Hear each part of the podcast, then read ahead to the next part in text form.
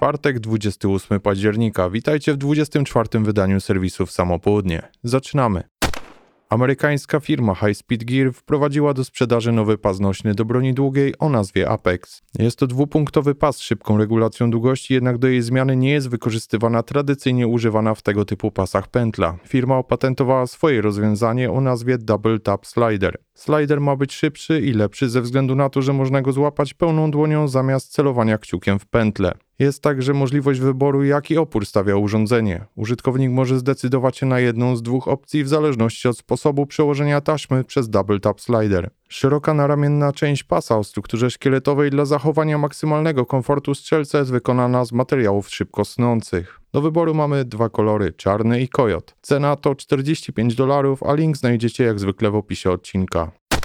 Duńska firma obuwnicza Ecco ma w swojej ofercie kolekcję butów pod nazwą Hybrid. Jeżeli nosisz w pracy broń, a jednocześnie rodzaj samej pracy wymusza noszenie na co dzień garnituru czy innego mniej taktycznego stylu ubrań, powinieneś zapoznać się z tymi produktami. Buty z męskiej kolekcji Dress Shoes w odmianie Hybrid to połączenie klasycznie i elegancko wyglądającego obuwia z nie rzucającą się za bardzo w oczy sportową podeszwą, zapewniającą możliwość biegania, jeżeli zajdzie taka potrzeba. Tanio nie jest, ale kto zna firmę, ten wie, że są to produkty wysokiej jakości. W opisie odcinka link do modelu ST1 Hybrid, ale w kolekcji Mendres Shoes jest tego znacznie więcej.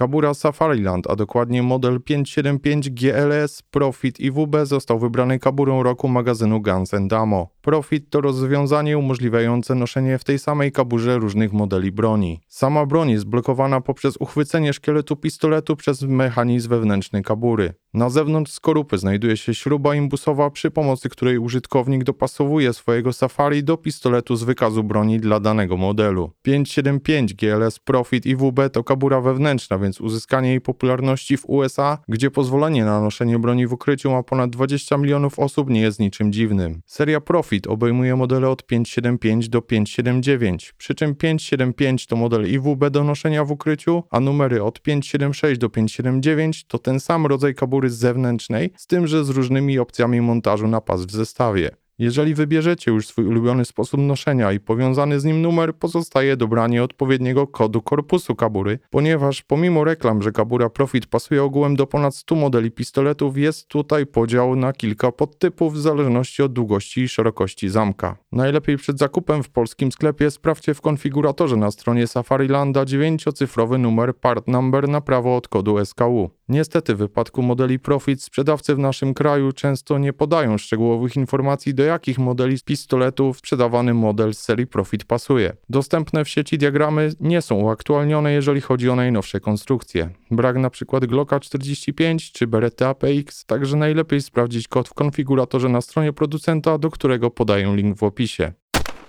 To tyle w dzisiejszym wydaniu, a na kolejny zapraszam już jutro.